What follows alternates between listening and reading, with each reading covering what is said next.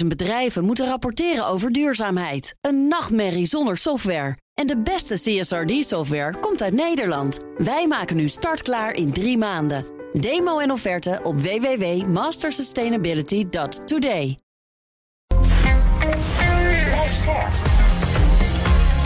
BNR Nieuwsradio. The Big Five. Art Rooijakkers. Eén ding heeft de oorlog in Oekraïne wel helder gemaakt. Europa heeft de Verenigde Staten hard nodig... nu Rusland weer een bedreiging is voor westerse democratieën. En tegelijkertijd klinkt in alles door dat de VS in economisch opzicht kiest voor America First. En is het land zelf ook nog eens tot op het bot verscheurd... als het gaat om politieke kleur. In hoeverre kun je eigenlijk nog spreken van de Verenigde Staten? Hoe heeft deze grote geopolitieke macht zich de afgelopen tijd ontwikkeld? En wat kenmerkt Amerikanen en Amerikaanse cultuur? In BNR's Big Five van de Verenigde Staten ga ik op zoek naar een antwoord op deze en andere vragen. In een poging om de wereldmacht beter te begrijpen. Vandaag doe ik dat met James Kennedy. Hij is hoogleraar moderne Nederlandse geschiedenis aan de Universiteit Utrecht. Amerikaan van geboorte, behoorlijke staat van dienst hier in Nederland. Zo werd in 2019 benoemd tot voorzitter van de onafhankelijke commissie die de kanon van Nederland moest gaan herijken.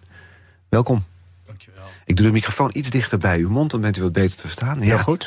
Voordat we het gaan hebben over uw de- nou, over identiteit van de VS, ook over uw jeugd. Daar in Iowa was het, in het dorpje Orange. Orange City. Orange City zelfs, zo, het was een stad. ja, ja, dus Orange, California. En eh, dan Orange City in Florida. Dat is naar de sinaasappel eh, Uh-huh. genoemd. En Orange City, Iowa. En dat is eh, naar het Huis van Oranje. Huh? Hoeveel inwoners had Orange City? Nou, toen ik geboren werd, denk ik 3000. Oké, toen kwam er eentje bij, 3001. Daar gaan we het straks over hebben. Maar allereerst, wie weet er eigenlijk het meeste van hun geschiedenis? De gemiddelde Nederlander of de gemiddelde Amerikaan?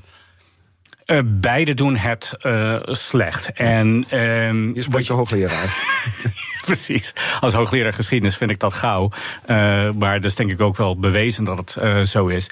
Ik, wat je, ehm, ik denk niet dat Amerikanen beter hun geschiedenis kennen dan Nederlanders. Eh, wat ze wel hebben, in tegenstelling tot Nederlanders, is een besef of een gevoel dat geschiedenis belangrijk is of be- eh, geschiedenis belangrijk zou zijn. En waar zit, waar zit hem dat gevoel in? Nou, ik denk dat heeft te maken met het idee van eh, dat Amerika een verhaal is. Amerika is een verhaal dat eh, op een bepaald moment is, is begonnen. Je zou kunnen zeggen 1776, hè, met de onafhankelijkheidsverklaring. En dat het zich doorontwikkelt. En je moet gewoon die geschiedenis weten om te weten waar Amerika voor staat. En wat je, wat je verantwoordelijkheden als burger zijn. Zo'n verhaal hebben wij niet hier is, in er, Nederland. is er wel. En zo'n verhaal hebben wij in Nederland niet, of minder. Nee, nee zo'n verhaal is er. Eh, Nederland is geen, Nederland is geen verhaal. Eh, eh, Nederland is geen ideaal. Het Dat is zijn we eigenlijk wel. Ja, het is een. Ja, het is een gemeenschap. Sompige delta, dat ja, ja, het is, het, het is een somp, nou, sompige del, delta is natuurlijk een hele mooie eh, beschrijving. Maar het is wel, eh, het is denk ik gewoon een land waar eh, mensen eh, gezamenlijk er best iets van, gezamenlijk iets van, van willen maken. En dat ze dan ook wel ruimte en vrijheid aan elkaar gunnen. En, maar dat is eigenlijk gedaan op een, ja, op een manier waar je dan eigenlijk niet met veel tamtam. ehm Nederland zit best wel tro- trots op hun eh, land, maar op een ondergearticuleerde manier. Ja. Eh, ze willen dat eigenlijk niet met grote fanfare, eh, fanfare eh, uitspreken en eh, vieren en zo. Dus het is allemaal, het lijkt allemaal wel heel erg bescheiden. En Amerikanen hebben het idee van ja, wij zijn een groot land eh, en dat weten we. En de geschiedenis heeft dat bewezen. En de geschiedenis eist van ons ook dat we eh, iets van zouden moeten maken. Ja, bescheidenheid is niet per se Amerikaans. Bescheidenheid is absoluut niet Amerikaans. Ten tweede, durft u te beweren dat u Nederland, 20 jaar woont u hier nu, inmiddels misschien wel beter kent, ook als geschiedkundige, dan de gemiddelde Nederlander? Nou ja, als historicus zou ik hopen dat ik dat wel eh, weet. Wat, wat mij altijd wel treft, is, is dat eh, omdat ik hier niet ge- geboren en getogen ben, zijn er bepaalde dingen die ik gewoon niet weet. Ik bedoel. Ik kom dat wel steeds minder vaak tegen. Maar het is nog steeds dat Nederlanders, omdat ze hier geboren zijn, er zijn gewoon allerlei weetjes die ik dan echt zelf niet heb. Maar nee, dus ik heb mij wel erin verdiept. En eh, wat ik heb geprobeerd ook eh, een, een eigen bijdrage te leveren...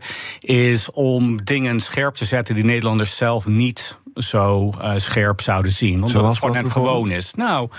Nou, bijvoorbeeld, ik vind een van de dingen dat je alle buitenlanders maken denk ik hetzelfde fout, zeker als ze in het westen van Nederland uh, wonen. Uh, dat Nederland is een land waar je kan doen wat je maar wilt. Het is een land van totale vrijheid. Er wordt geen uh, belemmering in de, in de weg. En wat ik eigenlijk vooral belangrijk vind om Nederland te verstaan, ook voor Nederlanders, is de hang naar orde en de bepaald opzicht een conservatisme van, van de Nederlandse samenleving. Wel op tijd de GFT-bak aan de stoeprand zetten. Ja, ja nou, dat je het ook. En, en er zijn allerlei manieren waarin je eigenlijk wil uh, zorgen dat dingen niet uit de hand uh, lopen. Dus uh, dat is gewoon één aspect daarvan. En ja. dat, je wilt natuurlijk wel met de tijd meegaan en vernieuwen zoals het moet. Maar uiteindelijk ben je toch wel erg gericht op behoud van, van je eigen ordening. Ja. Laten we eens kijken naar Amerika. Die Amerikaanse identiteit ga ik met u proberen nou, bloot te leggen of in ieder geval te ontleden. U zei net, uh, de VS is een verhaal.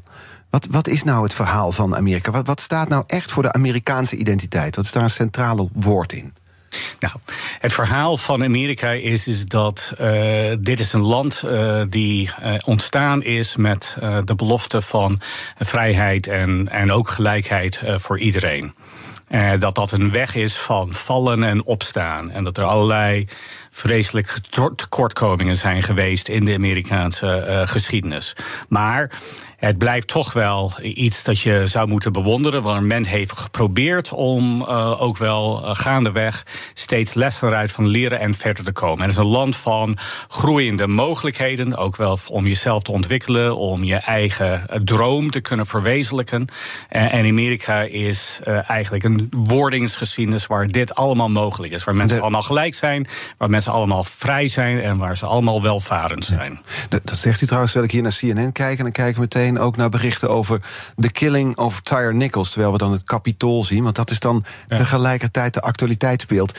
In een land waar het dus zo gaat om vrijheid. Ja, ja. nee, precies. Maar, maar uh, dat is ook zo. En je ziet, ziet ook dat uh, op allerlei manieren dat dat natuurlijk niet verwezenlijkt is.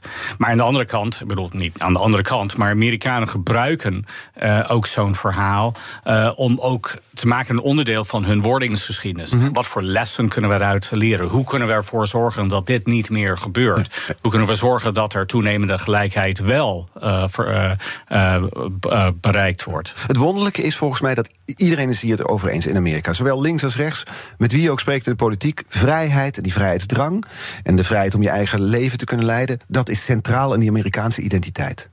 Ja, dat is centraal in de Amerikaanse identiteit. Dus uh, of je nou spreekt met demonstranten van de Black Lives Matter beweging, of uh, met mensen die zeggen: nee, we moeten zoveel mogelijk wapens kunnen dragen, van de National Rifle Association, ze zullen het over dit thema eens zijn. Ze zullen het over dit thema eens zijn. De invulling ervan is natuurlijk wel uh, aanzienlijk anders. En er is ook een zekere. de, de Zweedse socioloog Gunnar Myrdal al 80 jaar geleden had een mooie uitspraak. twee Amerikanen kunnen hetzelfde adem zeggen van. Um, no one can tell me what to do. And there ought to be a law against that. ja, ja. En dat zie je denk ik toch wel een beetje terug ook in Amerika. Is dat uh, Amerikanen uh, vechten, en ook wel zeker Amerikanen die aan de ene kant of de andere kant staan, staan wel echt staan voor hun eigen rechten. En de rechten die zij zelf belangrijk vinden. Maar de rechten van de anderen of de zorg van de anderen, nou, die willen ze dan liever beknotten uh, dan ze gunnen. Ja, liever mijn vrijheid dan jouw vrijheid. Ja, absoluut. Ja. Wat is er nog terug te vinden in die Amerikaanse identiteit? Als we bijvoorbeeld over die vrijheid hebben van ons Nederlands. We hebben natuurlijk een klein steentje bijgedragen. De woordingsgeschiedenis van het land. Ja, dus uh, wat is dan de. Um nou, je zou kunnen zeggen, de, de bijdrage die Nederland heeft geleverd aan, uh, aan de Verenigde Staten. En, en dus Russell Shorter heeft daar een boek over geschreven, over is Nieuw Amsterdam of New York. Mm -hmm. En je zou kunnen zeggen, dat is dan. En dat, heeft een, dat is een bepaalde cultuur geweest waarin de verdraagzaamheid uh, hoogtij vierde. En een beetje tradities van verdraagzaamheid heeft uiteindelijk ook impact gehad op uh, wat, er, wat Amerika is geworden. Dat is, dat is een beetje zijn verhaal. Ik, ik ben een klein beetje sceptisch over, omdat uh, uh, zo verdraagzaam uh, was Nieuw Amsterdam ook niet. Hè. Dus je had ook wel nou, leiders zoals Pieter Stuyvesant, die dat geen zins was. Maar ja, je kan zeggen toch wel het was toch een betrekkelijk multiculturele samenleving met verschillende groepen. Dus zeg maar de pluriformiteit van Amerika, waar eigenlijk mensen toch wel met elkaar moesten zien te leven. Nou, je zou kunnen zeggen dat is een beetje Nederland en dat is ook een beetje Amerika geworden. Dus in die zin is er wel een bepaalde lijn die zou kunnen trekken van, van Nederland naar de Verenigde Staten. Ja, toch, als ik nu door New York zou lopen en vraag, voelt u zich een beetje Nederlands? Nederlands Ze hebben geen idee waar het ligt waarschijnlijk. Nee, nee ze hebben, en dat weten we inmiddels ook wel, dat ze dat nauwelijks weten. Dus het is een. We moeten onze plek ook kennen hier in Nederland. Nee, je moet, ja, want uh, Nederlanders waren maar uh, 40 jaar. Dus het is, uh, het is in die zin ook wel een heel bescheiden bijdrage geweest. Een minuscule bijdrage. Minuscule bijdrage. Natuurlijk, en dan op het folkloristische kun je dat ook wel toevoegen. Je kunt er altijd koekjes en Sinterklaas aan toevoegen. Dat mhm. dit ook wel bijdragen zijn aan de Amerikaanse cultuur. maar dat zijn betrekkelijk kleine dingen. Ja. Is die identiteit van Amerika de laatste, nou pak een beet, 100 jaar ernstig aan veranderingen onderhevig geweest? Er zijn wel belangrijke uh, continuïteiten, maar ja, die identiteit. En, de, en als het gaat over de identiteit die uh, uh, anderen aan Amerika meten of aanmeten, of wat Amerikanen zelf over hun eigen land denken. Um, ik denk dat je. Um, ik, nou, ik denk dat in veel opzichten zijn de, de grote thema's uh, het, hetzelfde. Hm. Dus uh, vrijheid, democratie, uh, ongekende mogelijkheden. Dat zijn allemaal wel. dat zijn allemaal wel aspecten van de Amerikaanse identiteit die nog sterk leven. Ik denk dat er wel meer sepsis bij is gekomen.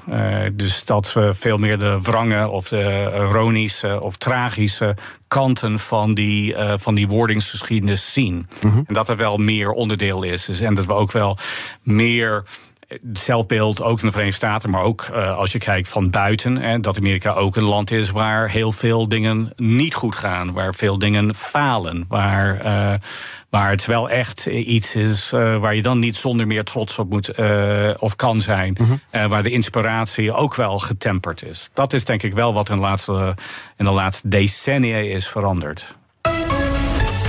The Big Five. Art Rojakkers. Met vandaag de gast James Kennedy, hoogleraar moderne Nederlandse geschiedenis aan de Universiteit Utrecht. En we hadden het er al over. U bent opgegroeid in de Amerikaanse staat Iowa. Uh, Orange City was het. Uh, een paar duizend mensen. Uh, alles wat daar met Nederland te maken, toch? Als je een telefoonboek keek, zag je allemaal Nederlandse achternamen, begrepen. Ja, ja en, en, en dus ik, uh, elke, elke achternaam die met van begon, zat, zat acht, ook in de, in de W. En uh, de boer zat bij de D bijvoorbeeld. En dat was denk ik uh, twee derde, drie kwart van het telefoonboek. dus het was wel inderdaad allemaal Nederlandse nederzetters. dat waren de afstammelingen van mensen die honderd jaar daarvoor naar Amerika waren gegaan. Ja. Dus dat was, het was voorbestemd dat u hier naartoe zou komen? Nou, um, nee. Uh, omdat, nou ja, het, mijn vader, uh, die is Amerikaan met geen Nederlandse achtergrond, helemaal niet. Uh, zoals je van Kennedy ook wel zou, mm -hmm. niet zou verwachten. Maar het is een. Het is meer Iers, toch? ja, Schots-Iers ja. in dit geval. Ja, de, maar mijn, hij kreeg gewoon een baan daar in Orange City bij een college. en mijn moeder is Nederlandse. En in Rotterdam geboren. Maar dat was voor haar een hele gewenning. Hij was echt een ander soort uh, Nederland een, uh, die zij daar trof. Het was natuurlijk wel een plattelandsgemeente. Die Amerikanen waren als het ware al 100 jaar. Uh, dus het Nederland die ze kenden, nou ja, dat bestond niet meer. Zij deed een stap terug in de tijd vanuit Rotterdam toen ze naar Orange City ging. Eigenlijk in een bepaalde manier wel. He, dus van ook wel, ook wel nog overblijfsel van de Nederlandse taal, die dan uit Gelderland kwamen anno 1860, zeg maar. Dus, uh, dus in die zin uh, was het echt een beetje terug in de tijd.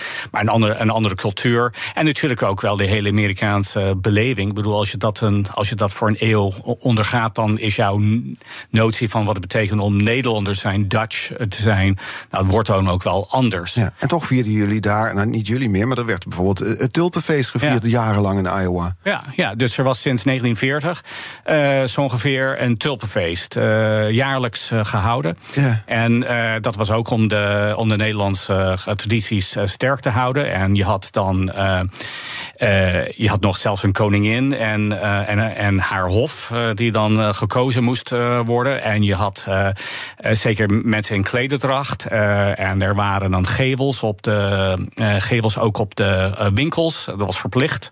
Oh, die trapgevels. Ja.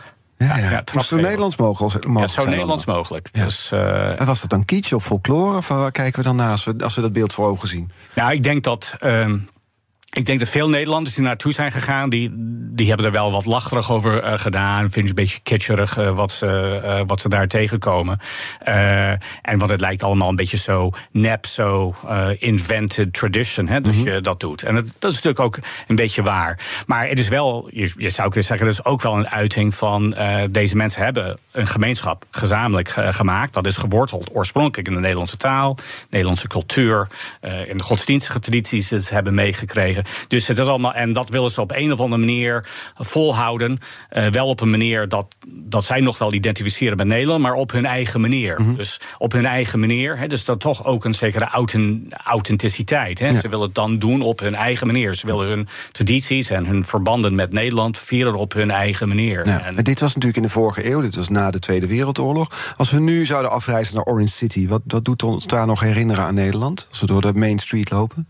Ja, dus dan, dan zie je inderdaad die, uh, die gevels. Je ziet nog een, uh, je ziet namaakmolens. Uh, op een, dus, dus dat is eigenlijk wat je dagelijks ziet. natuurlijk met al die Nederlandse namen. Um, ik denk wat je ook ziet, en daar zijn wel mensen die zeggen nou, dat kun je ook wel een directe verband leggen. dat is net iets lastiger te bewijzen. Ja? maar het heeft, het heeft de mooiste gezons van heel Iowa. Oh, ja? dus ja, dus allemaal dat je dan eigenlijk een slor slordige, uh, onopgeruimde voortuin hebt, dat kan eigenlijk niet. Daar wordt naar gekeken. Ja, ja, ja, Frowned upon, zeg je ja, volgens mij. Hè? 2003 kwam je naar Amersfoort toe. Terugkijkend op Orange City. Ja, wat is eigenlijk Nederlandser, Amersfoort of Orange City? ja, dat is wel een. Um, nou, ik denk dat je de. Um, in veel opzichten is wel. Um, Orange City is bewuster uh, Nederlands. Uh, hoewel het steeds uh, ook diverser wordt, ook in de samenstelling van de bevolking. dus in die zin zou je zeggen, ja, Orange City is misschien wel Nederlandser. Maar ja, ik heb natuurlijk wel, vooral als Amerikaan, moeten adopteren aan, een, aan het Nederlandse manier van leven. Dus mm -hmm. dan kom je echt in een, nou ja, in Nederland terecht met zijn eigen, uh, met zijn eigen manieren van doen. Ja, en Amersfoort is ook de meest gemiddelde Nederlandse stad die ja. En ik woon ook uh, wat uh, door Vara aangekondigd werd in de jaren negentig als de meest gemiddelde straat van Nederland. Oh, de straat, ja, ik kan ja, me dat dus, herinneren. ja, dus dan, dan zit ik echt precies in gemiddeld Nederland. dus ja, dat, um, dus dat is wel iets dat je, nou ja, dan, dan kom je wel echt een soort Nederlands tegen. Maar, van maar u dacht vanuit Orange City wellicht, ik ken Nederland, want ik heb een band met Nederland. Het is een, een, een stad die geënt is op de Nederlandse cultuur. Dan kom je in Amersfoort terecht. Waar loop je dan tegenaan?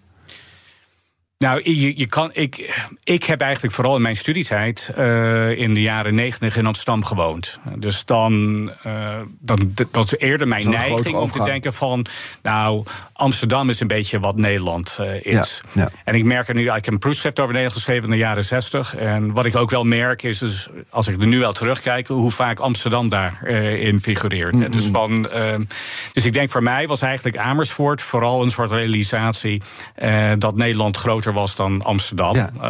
Uh, dan dat het uh, zo anders of hetzelfde was als in de Verenigde Staten. Ik ga u de kettingvraag voorleggen. Gisteren was Jan Posma was mijn gast. Hij is Amerika-correspondent van onder andere BNR. Hij had deze vraag voor u. Ik lees en luister graag James Kennedy. Hij weet precies wat er speelt aan beide kanten van de oceaan. En ik denk dat Nederlanders diep van binnen volgens mij voelen die nog steeds dat, dat, dat wij Nederlanders nuchter zijn en Amerikanen niet. Die zijn een beetje gek. Maar ik heb zelf het gevoel de laatste jaren met corona, maar ook over andere onderwerpen, hoor ik in Nederland steeds meer. Uh, de complottheorieën, de onvrede, uh, vlaggen op de kop in, in, in stad en land. Uh, de dingen die ik eerst vooral in Amerika hoorde en zag, zie ik steeds meer in Nederland. Elke keer als ik op bezoek ben. Uh, dus ik vraag me af, James, wat denk jij? Zijn wij meer op de Amerikanen gaan lijken? En lijken wij misschien sowieso niet wat meer op Amerikanen dan we eigenlijk zelf willen toegeven? Dat is een, een mooie vraag. Ik denk, ehm, nou, vooropgesteld, ik merk nog steeds grote verschillen tussen Nederland en, en, de Verenigde Staten. Ik bedoel, dus je hebt ook een. het idee dat je. Er is nog steeds bijvoorbeeld hoewel dat verzwakt is, de notie in, in Nederland uh, dat je er samen uit moet zien te komen. Nou, dat is niet iets dat ik echt, uh, dat is niet iets dat ik herken uit mijn eigen cultuur. Mm -hmm. Het is waar. Ik bedoel, je kan zeggen van de, de, de confrontaties, de polarisaties, die lijken dan wel veel meer op, uh, op Amerika. Nederland is de meest veramerikaniseerde land van continentaal Europa. Oh ja? Ja, nou, ik bedoel, het is een beetje van hoe meet je dat? Ja, ja. En, maar dat is observatie. Ja, ja. je zou kunnen zeggen, Italië lijkt er in sommige opzichten op andere, in andere opzichten dan weer op Amerika. Maar ik denk gewoon, het heeft te maken met uh, nou ja, de, dat de, de, Engelse taal hier zo, zo invloedrijk is geweest. Mm -hmm. Dus we werken, deze vorige week lazen we ook hè, dat Nederlanders ook wel. Toenemende mate ook Engelstalige boeken wil lezen. Veelal, niet helemaal, is dat, is dat Amerikaanse literatuur. Mm -hmm. uh, popcultuur, ook uit uh, de Verenigde Staten, nog steeds wel uh, steeds. Dominant? Echt dominant. filmwezen, je zou kunnen zeggen, je hebt een, een land die heel sterk is georiënteerd naar de Verenigde Staten. Dus, dus in die zin, ja, de veramerikanisering van de cultuur zit er, zit er wel in, denk ik. Ja. ja. We gaan zijn de zoveelste staat van de Verenigde Staten. Nou ja, ik, ik, vraag me af, ja, wat, nou, waar, zijn, waar is Nederland over 100 jaar? Uh, ook op taalkundig gebied, of bij, bijvoorbeeld. Maar het is wel een, het is een land die inderdaad uh, sterk is ge, georiënteerd op de Verenigde Staten. Hoewel, inderdaad, er is nog altijd een zekere Nederlandse zelfbesef van wij zijn totaal anders dan de Amerikanen. Ja. Maar niet helemaal terecht. En tegelijkertijd, als je kijkt naar die, noem maar even die wereldwijde cultuur, die van, ook van de, de Amerikaanse cultuur die wereldwijd wordt uitgerold. Als je het hebt over popcultuur, over muziek, over Hollywood die wereldwijde invloed uh, van het land, is die nog net zo groot als pak een beet 20 jaar geleden? Toen, uh, toen, toen ik niets anders wilde dan Amerikaan zijn. Ik wilde jaar high school gaan doen. Ja, het is denk ik een. Het is. Nou, ik denk dat dat allemaal ietsje diffuser is geworden. Dus Amerika is ook wel niet een. Is een het was nooit een monocultuur, maar is nog zelf veel meer onderdeel geworden van, uh, van wereldcultuur. Dus je ziet ook wel de grenzen daar openbreken. Dus wat is Amerikaans, wat is niet Amerikaans? Dat is ook wel iets dat diffuser is uh, geworden. Mm -hmm. Ik denk dat er ook wel um, Amerikaanse, uh, Amerikaanse cultuur is nog wel steeds dominant. Maar ik denk in de laatste twintig jaar dat er ook wel wat meer... dat de notie dat Amerika het uh, beloofde land is voor, voor Nederlanders. Dat is een land waar je echt naartoe moet. Dat is een land uh, die toch wel naar de toekomst wijst ja. op een of andere manier. Ik denk dat dat wel is afgenomen. Ja. Ook wel door allerlei uh, misstappen van de Amerikaanse uh, politiek. Uh, met de zichtbaarheid, het zichtbaar worden van problemen. Die had, je zou kunnen zeggen, dat hadden Nederlanders ook in de jaren 70. En dan waren ze ook wel erg kritisch. Door wat er in de jaren 60, Vietnam, Korea. Vietnamoorlog, ja, met name dat. Of, maar, of dat je ook wel, toen Nederland ook wel in de progressief was. Hè, dus ook Amerikaanse buitenlands beleid ook na Vietnam werd bekritiseerd. Uh, en dan, dan zeg je ook een bepaalde afstand. Maar ja, door dit alles, zeker er blijft nog altijd Amerika als, uh, als een land met, uh, waar je naar kijkt voor de nieuwste culturele ontwikkelingen. Ja. Dat is dus de observatie die u heeft over de Nederlanders. Die, die herken ik ook wel. De, de, de rol van Amerika op cultureel vlak is anders dan twintig jaar geleden. Is dat bij, ook bij de Amerikanen zelf bekend, denkt u? Nee. Nee, nou, ik bedoel, Amerikanen zijn ook wel in die zin. Je ziet ook wel de twijfel over, over, de, over de Amerikaanse cultuur en de politiek. Hè. Amerikanen zijn eigenlijk best negatief over hoe hoe de politiek zich ontvouwt, maar ook de richting van het land. En, uh, Amerikanen zijn kritisch over hun eigen land. Maar, het maar hoe is, ze gezien worden door de rest van de wereld? Ja, nee, maar dat is dan juist dus wel erg kritisch, maar het is allemaal, uh, het is allemaal binnen eigen grenzen. Amerikanen, uh, ook, wel, ook wel progressieve Amerikanen, dus conservatieve Amerikanen ligt dat, zou je denken, voor de hand. Maar ook denk ik bij alle Amerikanen, alles wat zij dan over hun eigen land denken is vooral self-referential. Dus uh, het, is, het, gaat eigenlijk over. Amerika is één groot uh, eiland. Ja. Uh, en het, het, gaat eigenlijk over wat binnen Amerika gebeurt en wat daar buiten gebeurt. Wat je daarvan kan leren. hoe het daar anders is. Ehm, nou, dat, dat komt gewoon niet binnen in de Amerikaanse discussies over zichzelf. Een mooi voorbeeld daarvan zijn natuurlijk, in, als je naar sport kijkt, de World Series. Ja, World Series. Dat is een prachtig voorbeeld. Dus dan baseball, hè, dus dan American baseball. En dan heb je dan dus je gewoon twee verschillende leagues, hè, twee ligas die tegenover elkaar staan. Mm -hmm. En ja, dat moet dan de wereld vertegenwoordigen. Ja. Dus, maar Japan, Cuba, andere gewoon baseballlanden, nou, die doen er totaal niet aan mee. Nee, dat is dan tot zover de World Series. Ja. Ehm, we praten zo verder. Morgen is trouwens Jaap Kooijman te gast, cultuurwetenschapper, gespecialiseerd in Amerikaanse media. Abonneer je op onze podcast via je favoriete podcastkanaal om geen aflevering te hoeven missen. En zometeen praat ik verder met Amerika-kenner James Kennedy. Bijvoorbeeld over de politieke toekomst van de VS, maar toch ook wel de actualiteit. Dus blijf luisteren.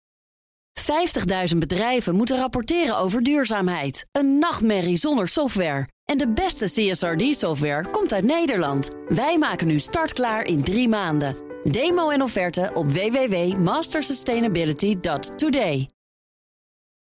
Op 6 juni mogen we naar de stembus voor de Europese verkiezingen. Hete hangijzers genoeg natuurlijk. Oorlog, klimaat, energie, concurrentie. Ondernemers willen vooral dat er nu eens wat harde knopen worden doorgehakt. En die regeldruk, die moet omlaag. Op 23 mei om 7 uur s avonds op BNR gaan verschillende partijen met elkaar en ondernemers de ring in. Tijdens het BNR Ondernemersdebat. Het Ondernemersdebat wordt mede mogelijk gemaakt door VNO-NCW en MKB Nederland.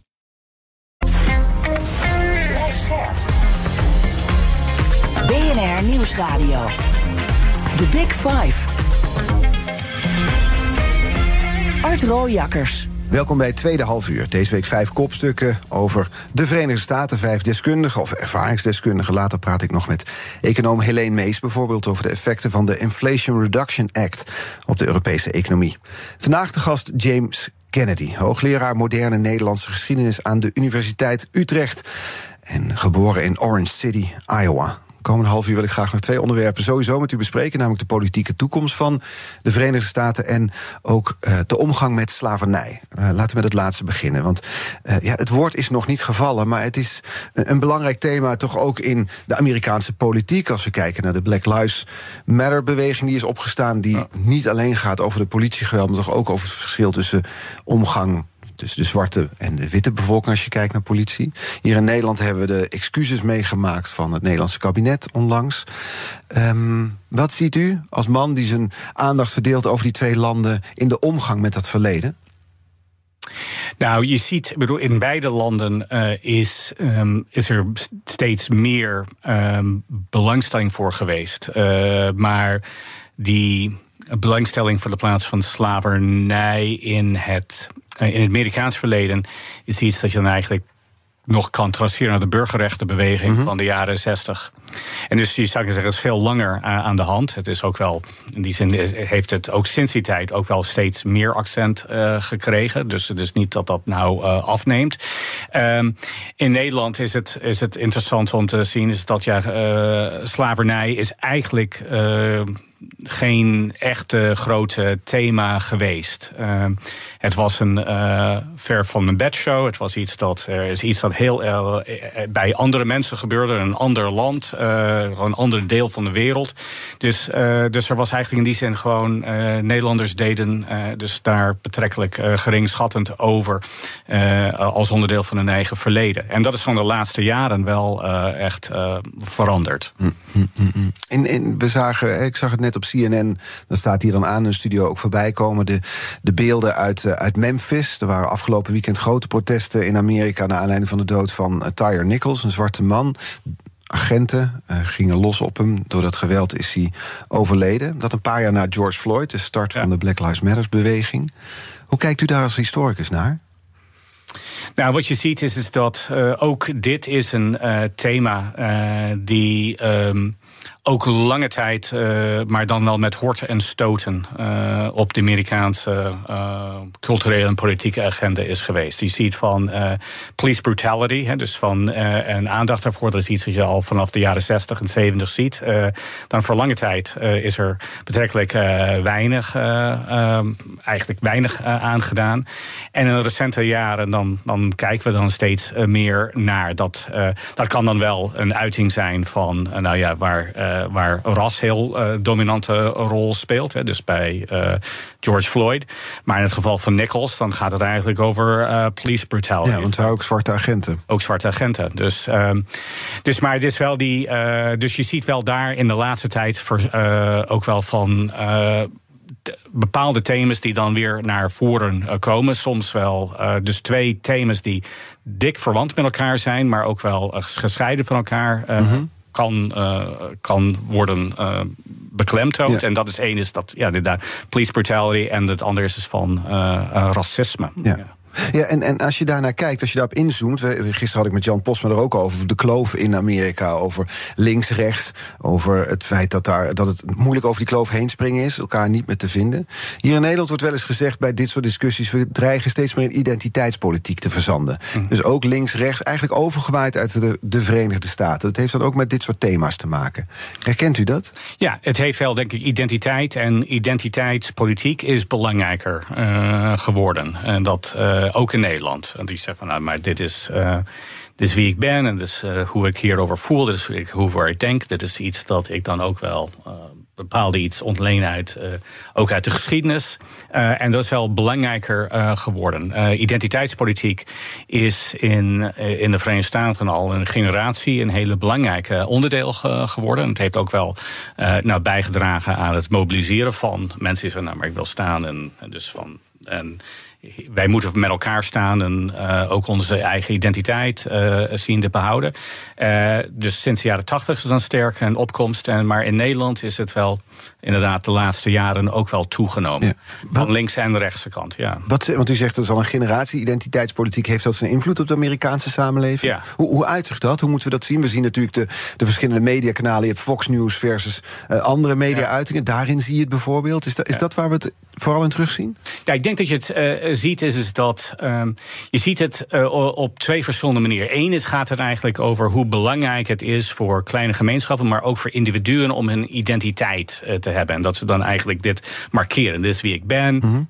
en ik wil eigenlijk over mezelf zo praten. Ik wil mezelf ook wel uiten op deze manier. Dat dat wel heel erg belangrijk is geworden. Dus gewoon de manier waarop individuen vormgeven aan hun leven, mm -hmm. dat is dan wel heel erg belangrijk. En aan de andere kant kan je zeggen, ja, dan kan die claims op identiteit ook wel leiden tot uh, scherpe confrontaties uh, uh, in de politiek. En waar je dan zegt, nou, uh, de conservatieve beweging zijn van, nou, maar wij zijn ook wel, wij zijn ook moeten worden vertegenwoordigd in ons, ons eigen land. Ik bedoel, er is niks mis met om een christen te zijn. Er is niks mis met wit te zijn.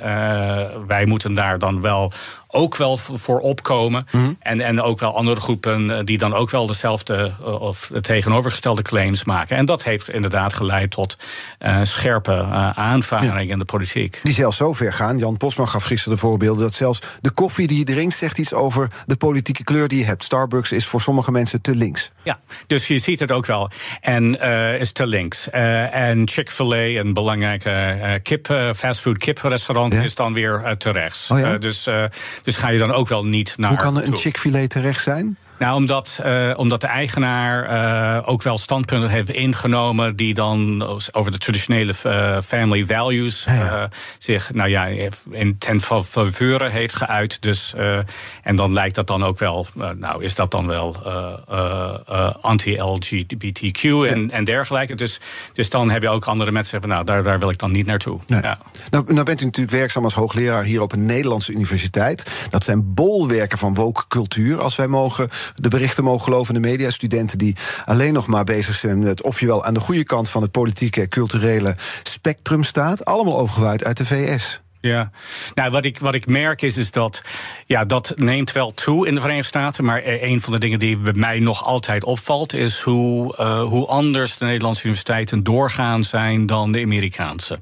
Dus uh, als je zegt van nou, alles is hier wordt volledig geamerikaniseerd, dan denk ik dat dat wel um, meevalt. Wat ik nog merk is, is dat er nog in de nou, niet alle studenten hebben daar belangstelling voor. Ik, ik merk dat er veel uh, docenten zijn die dan ook wel hun twijfels en hun zorg hebben over woke. Ik merk zeker bij uh, uh, Nederlandse bestuurders dat ze daar weinig van willen zien mm -hmm. op hun eigen, op de eigen universiteit. Dat dat dan wetenschap in de weg staat. en ook wel dat je dan ook wel je eigen mening zou moeten ja. kunnen uiten in een universitaire gemeenschap. Amerikaanse toestanden. Ja, maar nog in Nederland niet. Dus ik denk dat dat Maar universiteiten. Op ja. Amerikaanse universiteiten is dat wel het geval, zegt u. Dat dat... Bij Amerikaanse universiteiten vind ik dat dat wel vrij eh, sterk is doorgevoerd. Dus ik denk dat, dat, eh, dat je daar. En dat is denk ik. Maar als Amerika dan een cultureel voorland voor ons is, als wij daarnaar kijken, dan is dit dus ook op dit vlak Ja, eh, is dit dus een, een invloed die we zien. Ja, ja, dus iets dat je het, het, neemt toe en je ziet ook wel de invloeden. Dat is zeker zo. Eh, het is alleen maar eh, dat dat nog wel, eh, voordat dat wel zover komt, is eh, denk ik wel eh, nog eh, een aantal culturele veranderingen voor nodig. Dus Ja. ik, ik, zie, ik zie het nog niet op, op een niveau dat ik in de VS zie. het je moet eigenlijk zeggen, het, is- het gaat echt heel ver in de Verenigde Staten op dit moment. Dus niet alleen universiteiten. Hè, dus maar dat je zegt van dat mensen zeggen, Amerikanen zeggen, ik wil niet dat mijn kinderen een relatie aangaan met iemand van de andere politieke partij. Ja. Dus dat gaat wel dan wel heel erg ver. Dus, Ik las zelfs over mensen die hun huis niet willen verhuren als iemand eh, op de verkeerde partij stemt. ja, ja, precies. Dus, Dus, je is merkt eh, voor rent, maar niet voor Republicans. Ja, precies. Dus het was eh half jaar, half eeuw geleden was het nog religie die nog wel iets kon uitmaken. Of, maar nu is het wel inderdaad politieke voorkeur. Ja. Ja. En soms wordt dan gezegd, als we naar Amerika kijken, dan kunnen we het Nederland zien van over enkele decennia. Nou ja, ik denk dat je. eh, nou, de vraag is in welke mate Amerika nog steeds in de toekomst dezelfde soort culturele impact eh, hebben, kan hebben. Hè, dus, en zal hebben. Dus dat is denk ik een van, de, eh, dat is een van die vragen. Maar ik denk, je moet ook altijd zeggen dat elk land, ook Nederland, ook een open land zoals Nederland. eh, veranderingen eh, of culturele ideeën en patronen overneemt op hun eigen manier. Dus het is, eh, Nederland zal nooit helemaal zijn zoals de Verenigde Staten. Eh, als ze Amerikaanse ideeën, patronen, eh, waarden overnemen, dan doen ze het dan toch wel op hun eigen manier. Ja. Dit is dan over cultuur. Als we kijken naar politiek, de, de rol van Amerika wereldwijd gezien. De afgelopen jaren veel gebeurd. Dus je kijkt ook geopolitiek gezien. wat het blazoen van Amerika enigszins heeft besmeurd, volgens mij. We hebben de kapitoolbestorming gezien. Het, het, het gehaaste vertrek uit Afghanistan. De America First politiek, de Trump-jaren. Het waren allemaal ja, tekenen dat Amerika zich wat meer afkeerde van de wereld, wellicht. Ja, dus, dus er zijn heel wat eh ontwikkelingen daar gaande. Nou, in de eerste plaats zou ik gewoon wel willen poneren dat eh, America First is altijd de leus van Amerika Er is niet geweest. zoveel nieuws in. Nee, ik bedoel in de zin van eh, dat je Amerika. Ik denk het verschil is, is dat America First onder zeg maar een traditioneel ehm, beleid werd gezien als eh, America First kan alleen maar lukken. Als je ook wel bondgenoten hebt die achter je staan. Dus eh, je kunt het niet altijd te bond eh, maken met de bondgenoten met name. Eh, je moet ook wel met hen samenwerken. Want zo blijft America first. Eh, maar dus wel denk ik in de laatste tijd is er een toenemende notie van... De, de binnenlandse politiek is, neigt er, heeft steeds minder begrip voor Amerika's rol in de wereld. En dat met name dat Amerika vooral anderen zou helpen ten fin- financiële kosten van eigen, eh, van eigen land. En dat dat wel aan het toenemen is. En dat je dan vervolgens ook ziet dat, eh, dat ook zelfs Joe Biden genoodzaakt is om toch wel iets van America First eh, te handhaven. Dat Amerika eigenlijk geholpen, eh, eh, dat Amerika duidelijk eh, baat moet hebben eh, voordat het andere landen helpt. Ja. En tegelijkertijd kijken wij hier in Europa meteen naar Amerika als er een oorlog in Oekraïne uitbreekt. En dan komt de grootste steun ook uit de VS. Dus is de vraag dan gerechtvaardigd. Politiek gezien heb je dat America First en dat besmeurde blazoen. Tegelijkertijd is Amerika nog steeds de leader of the free world. Ja, en dat heeft dan is nog wel zo, eh, zo gebleken, zoals je ook wel hebt eh, aangegeven. Dat eh, Europa kan het niet zonder de Verenigde Staten. Dat het ook wel, voordat het militair zelfstandig is, mocht dat ooit wel komen. Dat Ja. het wel nog- decennia zou zijn voor het zo is. En dat is wel natuurlijk een probleem. Niet alleen omdat America first is, maar naarmate dat het ook wel internationaal gericht is, dat het vooral op Azië is gericht. Mhm, ja. Nou bent u geschiedkundige. Nou kun je soms lijnen trekken uit de geschiedenis om die naar de toekomst door te trekken. Je kan misschien soms patronen zien, misschien ontwikkelingen. Zien we hier wat wel eens wordt gezegd, wat wel eens wordt geponeerd. Als we naar Amerika kijken, de ineenstorting van de VS zoals ooit het Romeinse Rijk afbrokkelde? Nou, eh, eh, Ja, dat, zou, uh, dat ligt voor de hand. Uh, Romeinse Rijk, zou je kunnen zeggen, heeft uh, bijna duizend jaar het volgehouden. Dus, Ze hebben nog even te gaan in Amerika. Ja, ik zou, ja inderdaad. nog, hebben nog driekwart van hun shelf life ja. nog wel te, te, te uit te leven. Dus ik, ik denk dat. Natuurlijk, Amerika blijft niet tot de rest van de geschiedenis in stand. Uh, maar notie is dat dat wel nu uh, een land is sterk in verval en dat het uh, uit elkaar valt. dat lijkt mij niet, de niet meest waarschijnlijke toekomst. Omdat, nou ja, omdat, omdat er allerlei manieren zijn waar Amerikanen verstrengeld met elkaar zijn. Ook uh, als er red states zijn en blue states. En dat ze toen in toenemende mate hun eigen wegen gaan. Zie je nog steeds uh, hoe belangrijk die, uh, die financiële, economische belangen zijn. Toch ook uiteindelijk de culturele. Um, dat ze dan eigenlijk in die zin wel, nou, Amerikanen zijn eigenlijk tot elkaar veroordeeld. Zou je ook kunnen zeggen. En dat dat voorlopig zal blijven. Maar ja. 50.000 bedrijven moeten rapporteren over duurzaamheid. Een nachtmerrie zonder software. En de beste CSRD-software komt uit Nederland. Wij maken nu startklaar in drie maanden. Demo en offerte op www.mastersustainability.today. Op 6 juni mogen we naar de stembus voor de Europese verkiezingen. Hete hangijzers genoeg natuurlijk. Oorlog, klimaat, energie, concurrentie. Ondernemers willen vooral dat er nu eens wat harde knopen worden doorgehakt. En die regeldruk, die moet omlaag. Op 23 mei om 7 uur s avonds op BNR gaan verschillende partijen met elkaar en ondernemers de ring in. Tijdens het BNR Ondernemersdebat. Het Ondernemersdebat wordt mede mogelijk gemaakt door VNO-NCW en MKB Nederland. BNR Nieuwsradio. The Big Five. Art Rojakkers. Je luistert naar BNR's Big Five van de Verenigde Staten. Later deze week praat ik nog met Rut Oldeziel. Zij is hoogleraar Amerikaans-Europese techniekgeschiedenis... aan de Technische Universiteit Eindhoven. Vandaag de gast James Kennedy, hoogleraar moderne Nederlandse geschiedenis aan de Universiteit Utrecht. Ik kom nog even terug op die opmerking die u net maakte. U zei, Amerikanen zijn in zekere zin ook tot elkaar veroordeeld. Dus we hadden het over het Romeinse Rijk dat ooit afbrokkelde. Zien we dat terug bij de Verenigde Staten? U zegt nou, nee, want die Amerikanen, ze hebben elkaar nodig. Ook al zie je een verdeling in red en blue states... en zie je een land dat op het bot, tot op het bot verdeeld is. Hoezo hebben ze elkaar zo nodig? Nou, ik denk dat je eh, in de eerste plaats uh, zou ik kunnen zeggen van wil je de. Uh, het is natuurlijk een belangrijk uh, economisch geïntegreerd land. Ik bedoel, dus je bent gewoon in die zin onderdeel van dezelfde, van dezelfde economisch verkeerspatronen. Mm. Dus je bent, dus in die zin is het gewoon allemaal gebaseerd op een nationale markt waar je dan eigenlijk op elkaar toegewezen. Ja. Dus je kan zeggen, economisch gezien heb je er wel wat aan. En tweede is, is dat, zeg een cultuur. Hè. Het is wel uh, Amerikanen, en dat, dat gaf je ook zelf uh, eerder aan. ze hebben allemaal een bepaalde zich dezelfde idealen. ze kunnen zeggen van nou, wij komen toch wel tot. we komen er niet uit wat dat nou precies inhoudt. Maar je zou dus zeggen van ze willen er allemaal wel aan gaan werken. Dus ik denk dat je zou kunnen zeggen van ja, iedereen wil dan als het ware onderdeel zijn van de Verenigde Staten. Daar daarvoor staan. Dus mm -hmm. het idee dat je dan wel zou vertrekken. Want in de laatste jaren is het wel. Je ziet een toename van stemmen. Zeg van nou. Wat hebben we eigenlijk nou aan Amerika? Dus uh, moet Texas een onafhankelijke staat zijn. Hè? Maar in Californië, hè, dus een ja. uh, progressieve staat, dan soms komen die geluiden ook wel op. Hè? Dus dat dat misschien een deel van de Amerikaanse toekomst zou zijn. Ik zie dat wel eerder voor, uh, gebeuren dan een burgeroorlog. Hè? Dat staan gewoon zeggen, nou, we trekken, we trekken gewoon terug. We gaan ons eigen, we gaan ons eigen plan.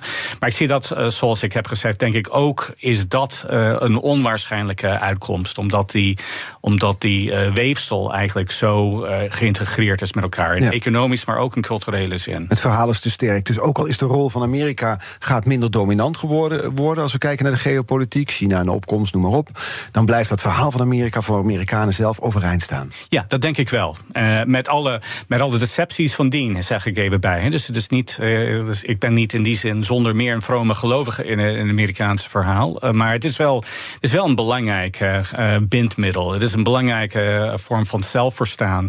Uh, die ook wel zijn effecten heeft. En zal blijven hebben op de toekomst. Mm -hmm, ja. die, die politieke ontwikkelingen in, uh, in uw vaderland, volgt u ze nog dagelijks? Ja, ik ja? volg ze dagelijks. Met veel plezier? nee, ik volg ze niet dagelijks met uh, veel plezier. Maar het blijft me boeien. Ik vind het wel interessant om te zien hoe het dan daar vergaat. Uh, het geeft wel aan mijn betrokkenheid met mijn geboorteland. Mm -hmm. uh, maar ook wel grote zorgen ja. daarover. En ik las nu een column in de Trouw, of een essay was het geschreven voor de Trouw... dat veel republikeinen bijvoorbeeld de Democraten als de corrupte partij ja. zien. Beloof weinig goeds, hè? Ja, dat belooft weinig goed. En het is ook wel uh, dat je zegt van uh, je bent uh, eigen. En, en het kan ook wel toenemen dat de notie. Er zijn boeken die waarschuwen dat dat uh, bijvoorbeeld uh, Amerikaanse uh, gelovigen steeds meer een apocalyptische termen gaan denken over mm -hmm. de toekomst. Hè. Dat, dat de andere partij zo corrupt is, de andere partij zo verkeerde, zo'n verkeerde waardestelsel hebben, dat ze eigenlijk niet, dat het met hen niet valt samen te werken. Je kunt ze eigenlijk niks gunnen. En je moet dan ook wel bereid zijn om hen ook wel de, de macht te ontzeggen. Uh, eigenlijk op uh, bijna elke manier. Hè. Ja. Dat, is, dat, is, hoe sommige Amerikanen daarover praten. Ja, dan heb je het over de Republikeinen, zien zich dan zeg maar, als de partij van de christenen, de partij van het gezin. En dan zijn de Democraten meer de partij van de, wat is het dan, een slechte moraal? Nou ja, nee, dat zouden ze niet. Uh, ik bedoel, van, voor de, van de Republikeinen. Ja, vinden de Republikeinen dan? Nou, de Republikeinen zeggen van inderdaad, dat zijn mensen die tegen het gezin zijn. Dat zijn mensen die tegen het geloof zijn. Dat zijn mensen die Marxisten zijn die eigenlijk een dominante rol uh, willen geven aan de staat, mm -hmm. aan de overheid, om alles te bepalen. Dat zijn mensen die eigenlijk ook wel onze geschiedenis bezoedelen door alleen maar het negatief te, te zien. Dus denk aan het slavernijverleden ja. of van discriminatie of racisme. Ja. Ja, en dat, dat betekent dus dan hoef je dus, zoals u net zei, dan hoef je de andere partij ook niks te gunnen. Je hoeft die andere partij en je moet die andere partij niet gunnen zelfs. Nee. Dus want als je hen maar aan de macht laat, dan gaan ze het hele land uh, naar hun eigen hand uh, zetten. En dat moet je dan wel zien te voorkomen. Ja, grote motivatie dus vanuit de Republikeinse kant om weer het presidentschap te veroveren eind 2024. Wat is de motivatie van de Democraten om de Republikeinen vooral niet aan de macht te hebben? Nou, ik denk dat, ik denk dat Democraten. Je, merkt dat, het, dat Democraten ietsje minder geneigd zijn om te zeggen over Republikeinen dat is de vijand. Dus ze zijn in die zin net wat verzoenlijker in hun houding. Maar je ziet denk ik dat er enorm grote zorgen zijn onder Democraten. Dat als de Republikeinen aan de macht komen, uh, dan breekt ook de hel los in de Verenigde Staten. Want dat zijn, uh, dat zijn fanaten. Uh, dat zijn wel mensen die eigenlijk tegen alle vormen van diversiteit zijn. dat, zijn dat zijn mensen van de monocultuur. dat zijn mensen die eigenlijk de democratie niet in acht houden. Die bereid zijn. Nou, we zagen het twee jaar geleden met bestormen. stormen. Dat bereid zijn om de macht te behouden dan via andere middelen. Mm -hmm. zo, ja, misschien dan ook geweld. Dus het is wel wel, dus dan is er daar ook een hele grote vrees en angst vanuit de Democraten. Dus de Democraten kunnen de Republikeinen ook uh, betrekkelijk weinig gunnen ja. in hun eigen denkbeelden over de andere partij. Hier volgt dan een Nederlandse vraag voor een Amerikaanse geschiedkundige. Het verschil tussen die twee partijen dat zo onoverbrugbaar lijkt, als u het ook schetst, bleek ook uit het gesprek met Jan Posma gisteren terug te luisteren als podcast trouwens. Het is een decennia niet zo groot geweest, las ik ergens, ja. schreef u ergens. Nu komt die Nederlandse vraag: hoe kunnen ze ooit tot elkaar komen? Want dat willen wij graag, Nederlanders, consensus. Ja, Nederlanders, ja, en dat is denk ik nog steeds, zoals ik ook wel hiermee begon, is dat dat blijft nog, een, nog steeds een kenmerk van de Nederlandse, uh, van de politiek of samenleving.